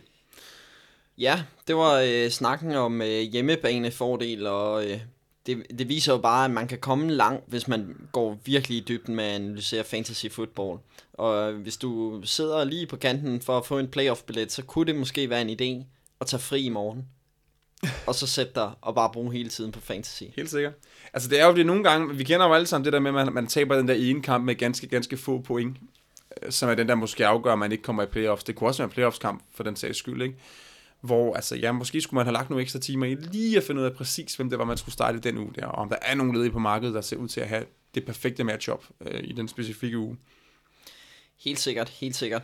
Lad os komme videre til det næste punkt, og det er den øh, sorte bog. Det er jo en øh, bog, vi har opfundet, hvor vi øh, indskriver navne, øh, som ikke længere nogensinde var udgangspunktet, Ja. er aktuelle i fantasy-sammenhæng. Og Ja, det værste ved den sorte bog er jo, det er sådan en måde, altså normalt så siger vi en masse ting, og vi rammer forhåbentlig plet med det meste af det, men nogle gange så rammer vi selvfølgelig også på siden af, og det er jo sådan et sted, hvor vi virkelig bliver bonget, hvis vi gør, fordi så har vi jo ligesom committet os selv til, at, at der må vi nærmest ikke tage fejl. Nu giver jeg lige mig selv en øh, dispensation her. Fordi nu, vi, vi, vi går lige igennem, hvem der står i den her sorte bog. Så, Så i det her segment, der må vi godt nævne navnene. I hvert fald lige inden for de næste par minutter. Ja. Øh, fordi vi skal lige have lytterne med på, hvem der står i den her sorte bog. Det er jo sådan, at hvis man nævner noget i den sorte bog, så skal der penge i, i grisen. Og øh, jeg har faktisk grisen med, når den står allerede på bordet, kan jeg se. Den lyder ret tom. Vi har også været gode til det. Vi har måske heller ikke været så gode til at få betalt. Ej, ja, det ved jeg så ikke. Det, det må stå for folks egen regning, om de husker at lægge pengene i. Jeg kan, øh, jeg kan øh, huske, øh, Rasmus har i hvert fald nævnt et par spillere herfra. Nå, ja. øh, den første vi har skrevet på, Antonio Gates, det holder vel okay. Den holder egentlig ret fint. Han har ikke rigtig leveret i år. Han er en gammel mand. Han er der, altså, det bedste, der kan ske for ham, det er, at de har den der magiske sæson, hvor de vinder en Super Bowl, og han får sin ring. Fordi meget af det er der nok ikke rigtig for Gates efterhånden længere. I hvert fald ikke i fantasy sammenhæng. Så fik jeg jo gennemført Steelers defense. Ja, og den, der var vi måske lidt hurtigt. Jeg har ikke lige tjekket her de sidste kamp eller to, men for par uger siden, der tror jeg nok, jeg skrev til dig eller sådan noget, at det, det kunne godt være, at vi var lidt hurtigt ude der, fordi det havde ikke set så galt ud egentlig. Ja, jeg siger jo stadig, det, det er ikke et godt defense. Nu øh, finder jeg lige statsene frem for, øh, for Ja. sæs, øh, sæsonen, fordi et er at være et, godt defense, noget andet er at være et godt fantasy defense. Der er jo stor ja. forskel. Du kan sagtens være et elendigt defense, men hvis du har mange turnovers og måske et touchdown, så, så ændrer det på det hele. Men øh, jeg kan faktisk sige, at- Steelers i år har været det femte bedste defense fantasy-wise. Så der er vi måske næsten ude i, at øh, De har også haft to, to touchdowns, så vidt jeg husker. Øh, de har faktisk haft tre touchdowns. Og de har også haft et øh, par blokerede kicks og to safeties. Det har været en okay sæson. Men problemet er at de tillader mange yards, jo. Jeg vil bare sige det sådan her. Det kan godt ske, at at Steelers defense er aktuelt i mange fantasy-ligaer, men de møder Saints, de møder Patriots, de møder Chargers. Det kan godt komme til at gøre ondt alligevel. ja, og men Chargers offense har, er de, ja, Patriots selvfølgelig også så ikke så gode her i weekenden, og Chargers har også den sidste halvanden kamp faktisk været sådan lidt, ja, lad os kalde det middelmåde i hvert fald på angrebet. Patriots offense leverer altid mod Steelers. Altid. Ja, så det er så en anden statistik, vi kan hive ind der. Det- Det, det den er en- trumfer så, øh, øh, ja, Ja, at det- Patriots ikke spiller så godt lige Jeg nu. tror, det er lige meget, hvem der er quarterback, og hvem, så længe Bill Belichick, så... Ja, øh, vi kender også Patriots. Altså nu, du tabte din kamp til Titans rimelig efter tryk for Patriots standarder, vil jeg sige. Og så, skal de, så kommer de sikkert tilbage og, og, og, og vinder de næste kampe meget, meget komfortabelt. Det skulle ikke undre mig i hvert fald. Hvis vi sådan tager udgangspunkt i, øh, i fantasy-sammenhæng, som vi jo gør, så øh, Steelers defense i playoff møder New England og Saints. Det er to uger, hvor du bare ikke starter Steelers defense, altså. Det, det tør jeg godt love. Jeg, jeg siger ikke, hvordan kampene ender, for det, det, det er der ikke nogen, der ved. Men starter ikke Steelers defense mod Patriots og mod Saints. Det gør du bare ikke. Og specielt Ej, det ikke øh, mod, mod Saints i New Orleans. Øh, men, Nej, der har vi jo lige set, at der, øh, der har Breeze i hvert fald en, en statistisk fordel, og det vil jo så nok også tit komme til at gå ud over forsvaret. men de har et par interessante matchups øh, mod Broncos i uge 12 og mod øh, Oakland i uge 14. Men begge kampe er på udebane, og jeg er også stadig skeptisk omkring... Nu vil vil jeg-. Så det er vist... Det, okay. Ej, nu vil jeg lige sige en sjov statistik omkring øh, Pittsburgh Steelers. Steelers har tabt én kamp. Jeg mener, de har tabt én kamp på udebane siden starten på sidste sæson. Og det var mod Chicago Bears med Mike Glennon som quarterback. Og så har de spillet en uafgjort med Browns, og så har de vundet resten. Var det på udebane, ser du? Ja. Og alligevel er, du meget bange. Er det fordi, det kun er shootout, så er du bange for at starte dem, eller hvad? Jeg ved det ikke. Men det øh, eksempelvis, kan hvis man tager udgangspunkt i den kommende weekend mod Jacksonville. De var jo elendige mod Jacksonville to gange i sidste sæson. Mange af jer husker måske playoff-kampen, hvor de tillod 45 point, og slet ikke var der. Og nu er Leonard Fournette tilbage, og det skulle ikke undre mig, at, øh, at Jacksonville endnu en gang tager, øh, jeg ikke sige øh, det grimme ord, så tager numsen på, øh, på, øh, på Steelers defense. Jeg siger bare, ja, jeg er skeptisk med at starte med den her uge. Men øh, ja, de står i den sorte bog. Jamen, det, det gør de jo så. Og vi, vi tager dem ikke ud, det er det, jeg hører fra, fra dig i hvert fald. Jeg ved slet ikke, om vi, om har øh, en lovmæssig hjemmel til at tage hold, hold ud. Det er vi aldrig rigtig blevet klar over. Det vil jeg godt bringe op senere. Vi har også skrevet Devante Booker, og det holder jo. Ja, det synes jeg egentlig.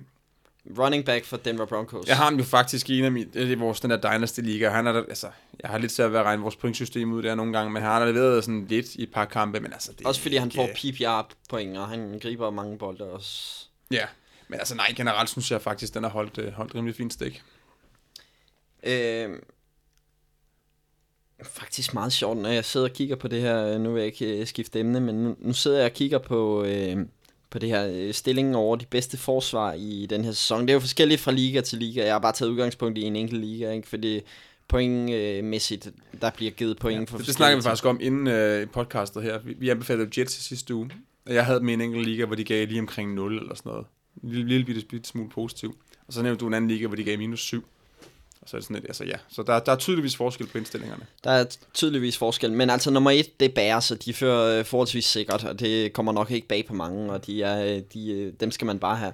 Nummer to er defense, som ikke rigtig har, i hvert fald ikke leveret på det seneste, Los Angeles Rams. Ja, det er lidt spøjst. Det er lidt spøjst, og nummer tre, for øh, nu er han ikke med i dag, øh, Rasmus der, men øh, Er det virkelig, er Dolphins? det er Miami Jamen, Dolphins. vi snakker også om, at de havde været, især i, var det i starten af sæsonen, især, at de var ret gode. Øhm, jeg ved så ikke om... Og men, alligevel, men været- hvis man skal holde sig i top 3, skal man, kan man ikke altså, have alt for mange uger, hvor det er helt gralt, tænker jeg. Men, men når man kigger på de, de her defense stats, så er det jo også noget, noget der er afgørende. Det er, de skal jo bare have en virkelig, virkelig god kamp, så, så er de høje. Eksempelvis Dolphins mod, de mødte Jets i, i forrige uge, der hentede de øh, i den her liga 26 point.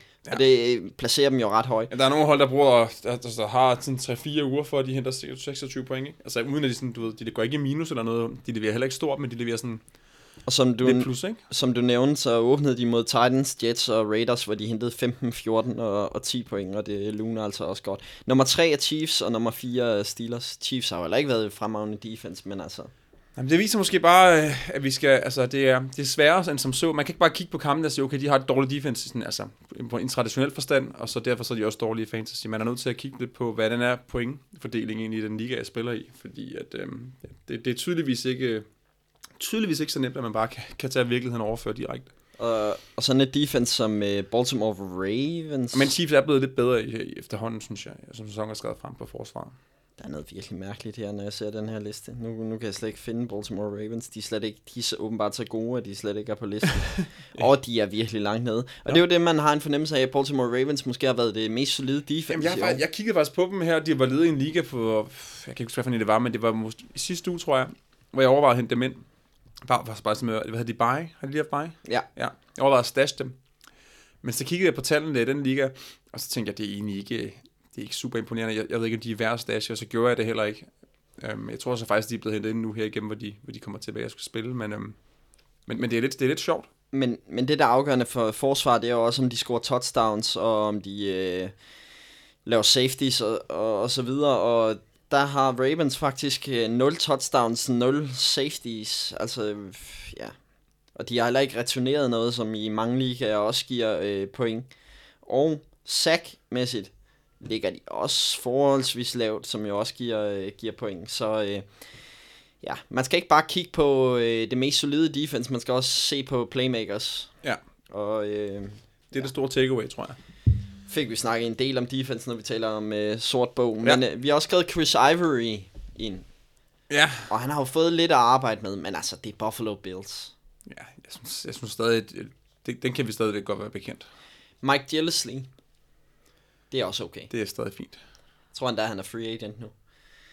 Øh, så har vi skrevet noget, som jeg ikke rigtig kan læse, men øh, som jeg går ud fra er Brandon Marshall. Ja, det er, for dem, der ikke lytter til det her podcast hver uge, det var Rasmus, der, da vi, vi smed ham i den sorte bog, sådan lidt uh, on the fly i en episode, så vidt jeg husker, hvor han sådan skulle sidde og skrive ham ind, og han gjorde det med venstre hånd, han har højre hånd, og sådan på hovedet, sådan over i bogen, så det er sådan, ja, det, det er lidt svært at afkode, men, men den spiller, man ikke kan læse i den bog, det, det er Brandon Marshall, ja. Så har vi skrevet Black Bortles. Skal vi lige, bare ved Brandon Marshall nu, hvor han der rent faktisk er kommet ind på, på Saints, altså kan det komme til at bide os i, ja, i bagdelen? Altså, han kommer jo... Jeg sagde, man skulle ikke samle øh, Des Bryant op, fordi jeg tror ikke på, at, øh, at han har det i sig mere. Han blev valgt over Brandon Marshall. Så, Men, men ja. Så jeg er stadig skeptisk, men han kommer jo til at få nogle red zone targets. Ja. Det sjove ved Brandon Marshall er jo, at han har aldrig spillet en playoff-kamp, men det kommer han jo så formentlig til nu. Men mindre, mindre han også bliver skadet inden de når playoff, selvfølgelig, og Ja. ryger ud, ja. Men øh, ja, øh, måske, jeg, jeg vil stadig ikke samle Brandon Marshall op, men det er da klart, at han er attraktivt på et meget eksplosivt offense. Ja. Blake Bortles skrev vi i sidste uge. Ja, jeg ved ikke, har du statene for, hvordan han egentlig er klaret sig, inden vi blamerer os for meget her ved, ved at sidde og sige ting? Jeg kan i hvert fald lede efter det, men øh, jeg ved, at Black Bortles per, per definition plejer at være god med Steelers, eller det har han i hvert fald været i, i, i sidste år. Øh, statsmæssigt ser det egentlig okay ud. Altså, han, han hentede øh, 22, det er igen, jeg tager udgangspunkt i en liga, det er jo forskelligt for, men han hentede 22 point i, øh, mod øh, Coles har faktisk et okay schedule. Altså møder Steelers, så skal han på udebane til Buffalo, det kunne godt være en svær kamp, altså fra et quarterback-perspektiv. Ja. Og så møder han øh, Colts på hjemmebane. Der, det, det kunne godt blive godt. Men situationen er den med Jaguars, øh, lad os sige, de taber til Steelers. De er sgu allerede ude af, af playoff contention. Ja. Kunne man forestille sig, at de prøver noget andet i, i Jacksonville? De har hentet øh, gode gamle Landry Jones ind fra øh, Steelers. Altså, jeg ved ikke. Jeg, jeg skal ikke gøre mig til ekspert på Jacksonville og deres øh, quarterback-beslutninger, men altså, det er jo... Altså, jeg synes stadig, det er okay, at han står i bogen. Fordi et eller andet sted, han er... Altså, jeg synes bare, det, det, det er for ustabilt med Blake Bortles. Altså, jeg vil ikke... Jeg, jeg, vil, jeg vil aldrig nogensinde være komfortabel med bare, med bare at sige, nu ruller jeg med Blake Bortles som en sådan per definition starter. Så måske selvfølgelig, som vi snakker om før, en gang imellem måske tager en anden ind, hvis der er et rigtig godt matchup. Øh, det, det, vil jeg, det vil jeg ikke bryde mig om. Så, nej. Der er selvfølgelig mange andre quarterbacks, man så også kunne smide på den liste, det, det er klart, men grunden til, at han jo nok er der, er, fordi han netop er en, der, der har været start, der er starter og, og, spiller meget, og derfor så forventer man jo ligesom også, at der skal komme noget kontinuerlig produ- produktivitet. Det er også bare NFL-hjertet, der taler. Altså, man skal, sådan en dårlig quarterback skal man fandme ikke have på sit fantasyhold. Men øh, det er måske tidligt at sige. Nå, den sidste, der står her, det, det er så en, jeg måske vil argumentere for, at vi skal ud. Øh, det er ikke fordi, at han er virkelig, virkelig produktiv.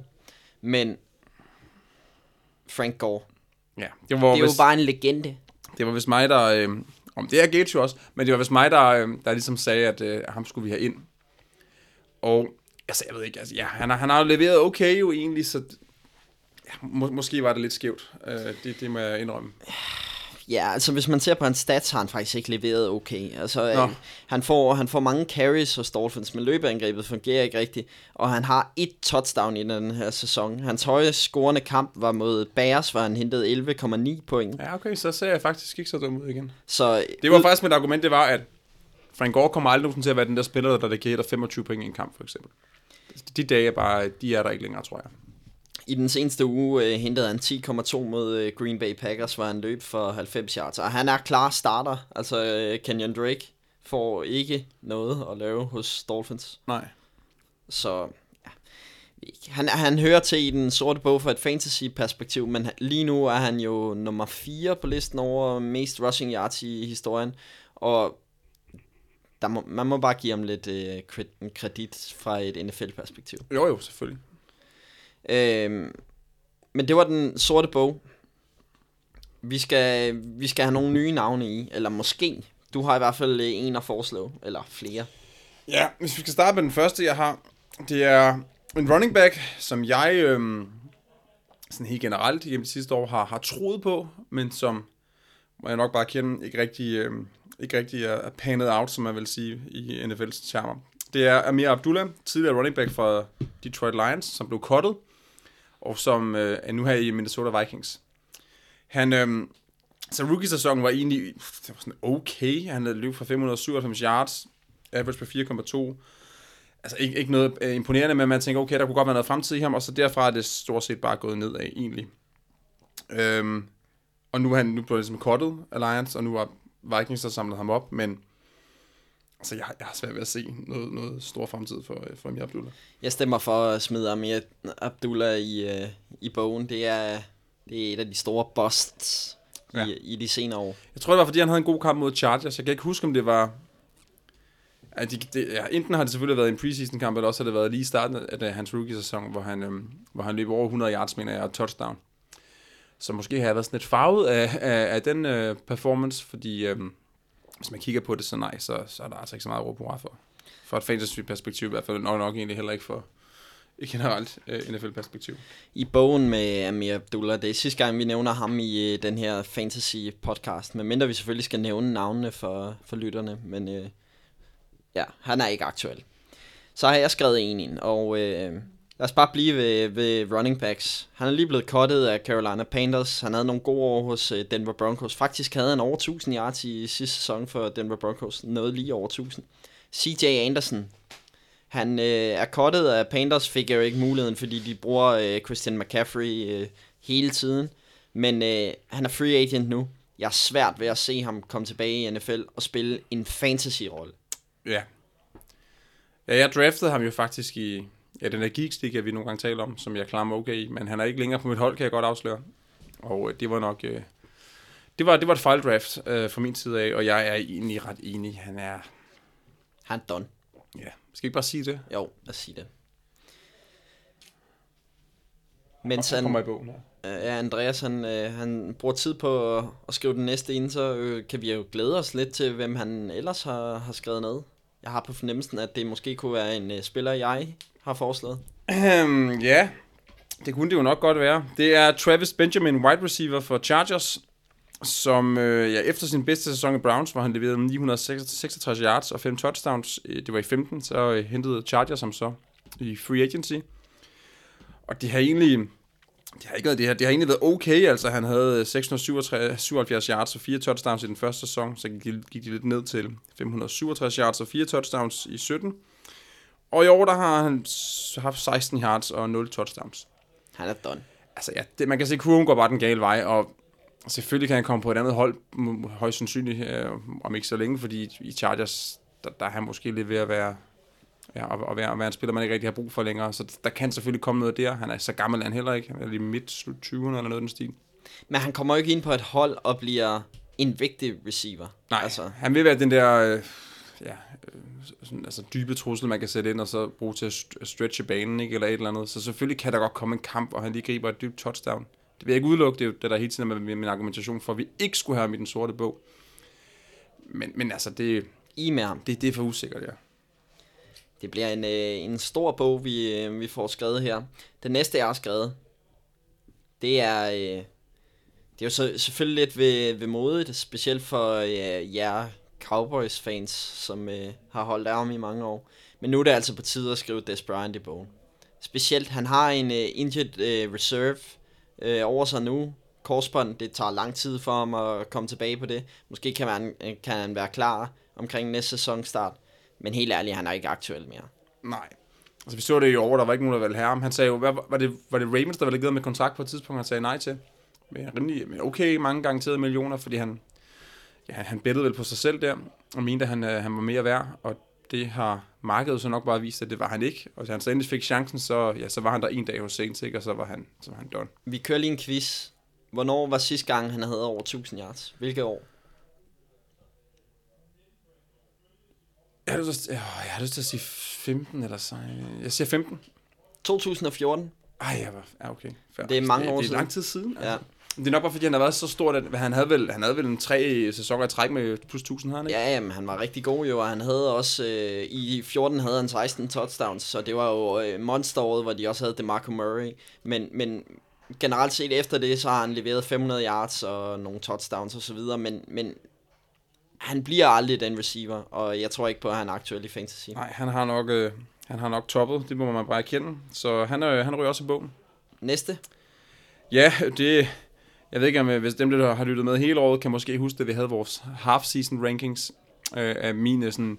Den værste spiller, jeg, jeg kunne finde på i årets fantasy, det var Robbie Anderson, og det er selvfølgelig baseret på forventninger kontra produktion.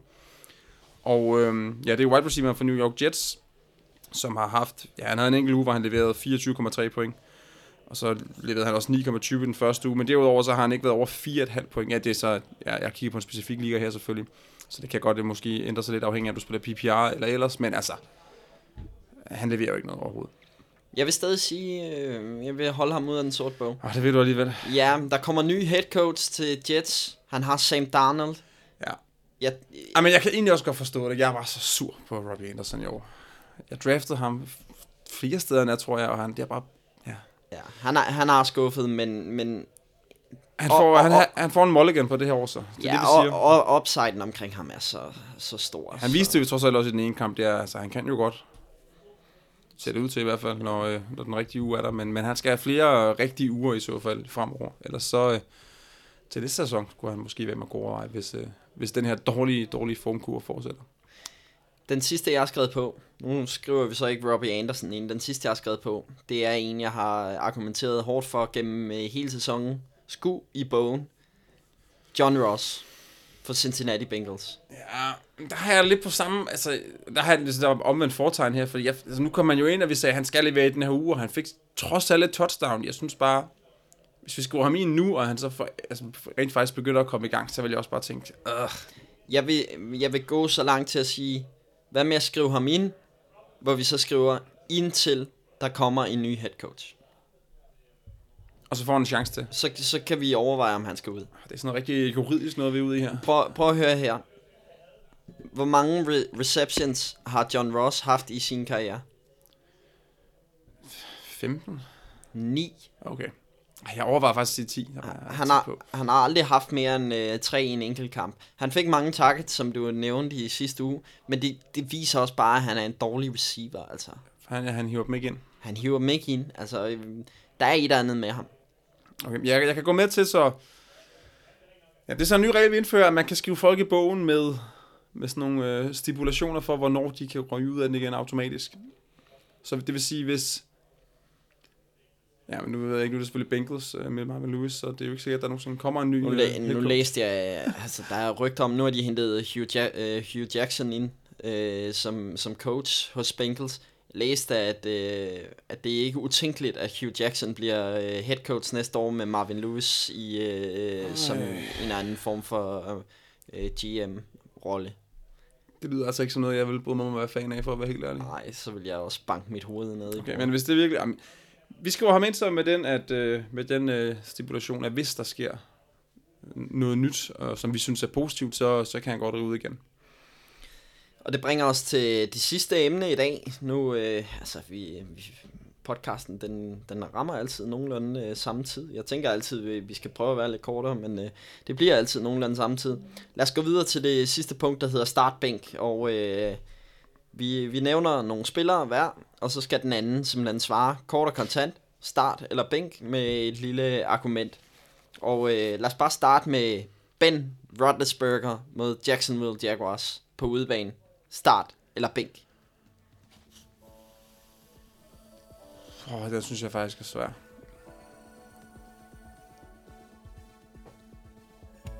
Nej, jeg siger start. Efter den kamp, han kommer med nu her, altså jeg, jeg, jeg, har, jeg, kan, jeg kan ikke bænke ham efter den præstation, det kan jeg ikke. Jeg ved godt, det er udebane, og det er G. Jackson eller sådan noget, men... Ej, jeg vil starte ham, det vil jeg. Okay, okay. Fair enough. Næste. Øhm, ja, min første er Matt Ryan, quarterback for Falcons mod Dallas Cowboys. Vi nævnte det tidligere. Hjemmebane starter Matt Ryan der. Ja, det er sådan godt, så... er, vi, er vi konsistente med det, vi tidligere har sagt. Det er meget godt. Ja. Så øh, har jeg skrevet øh, Philip Lindsay, running back for Denver Broncos mod Los Angeles Chargers. Uha. Jeg siger start, fordi der er ikke nogen Denzel Perryman, så nu kan man måske rent faktisk løbe bolden lidt, og så selvfølgelig bruger de ham også i kastespillet, og det kan også være, at han kan få noget ind over midten der, hvor, øh, hvor der er en ny spiller, der skal spilles ind. Så jeg tror, jeg, jeg tror det er en okay uge for ham. Okay. Ja, så har jeg øh, Marlon Mack, running back for Colts mod Tennessee Titans. Så er spørgsmålet, stoler man på Coles offense eller Titans defense? Fordi Titans ja. defense har virkelig været godt på det seneste. Jeg siger bænk. Titans defense, det er bare super, super solidt PT. Og Marlon Mack havde også en dårlig kamp i den her uge.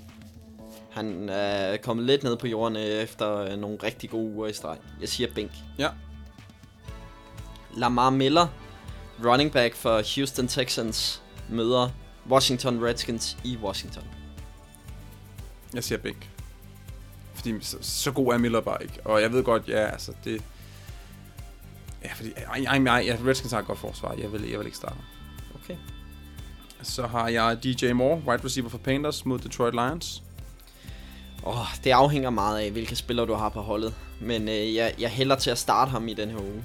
Øh, det er en dome. Det kan godt blive en forholdsvis højt scorende kamp. Jeg tror ikke, jeg tror ikke den bliver lavt scorende.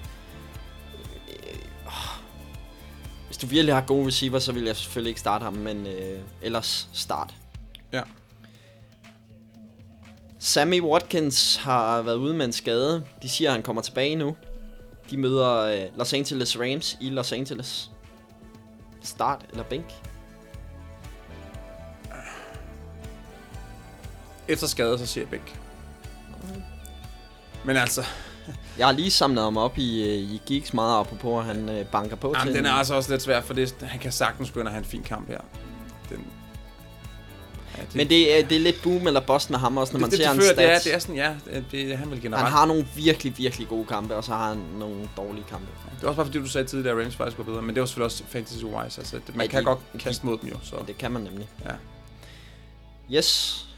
Ja, min sidste er Jared Cook, tight end for Oakland Raiders mod Arizona Cardinals.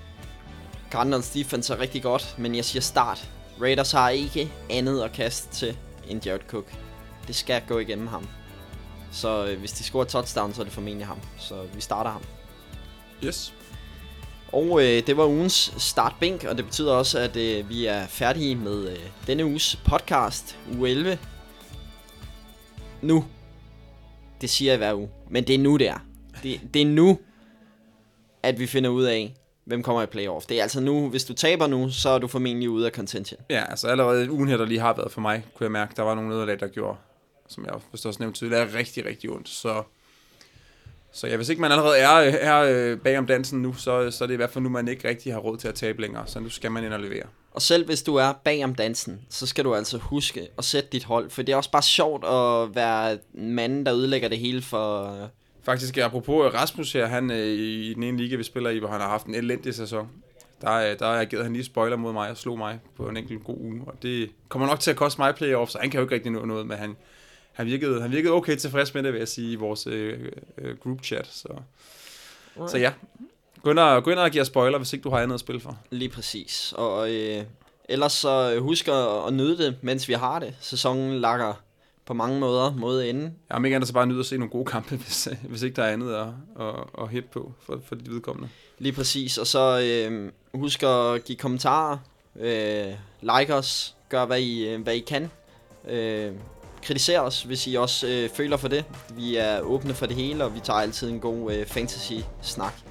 Tak fordi du var med i den her uge, Andreas. Jamen, øh, jeg er glad for at være her igen. Og øh, held og lykke til, til jer i weekenden, medmindre I, møder, medmindre I holder med Jacksonville Jaguars eller Denver Broncos. Ja. Det er vel det, vi altid siger. Ja, stort set. Vi ses.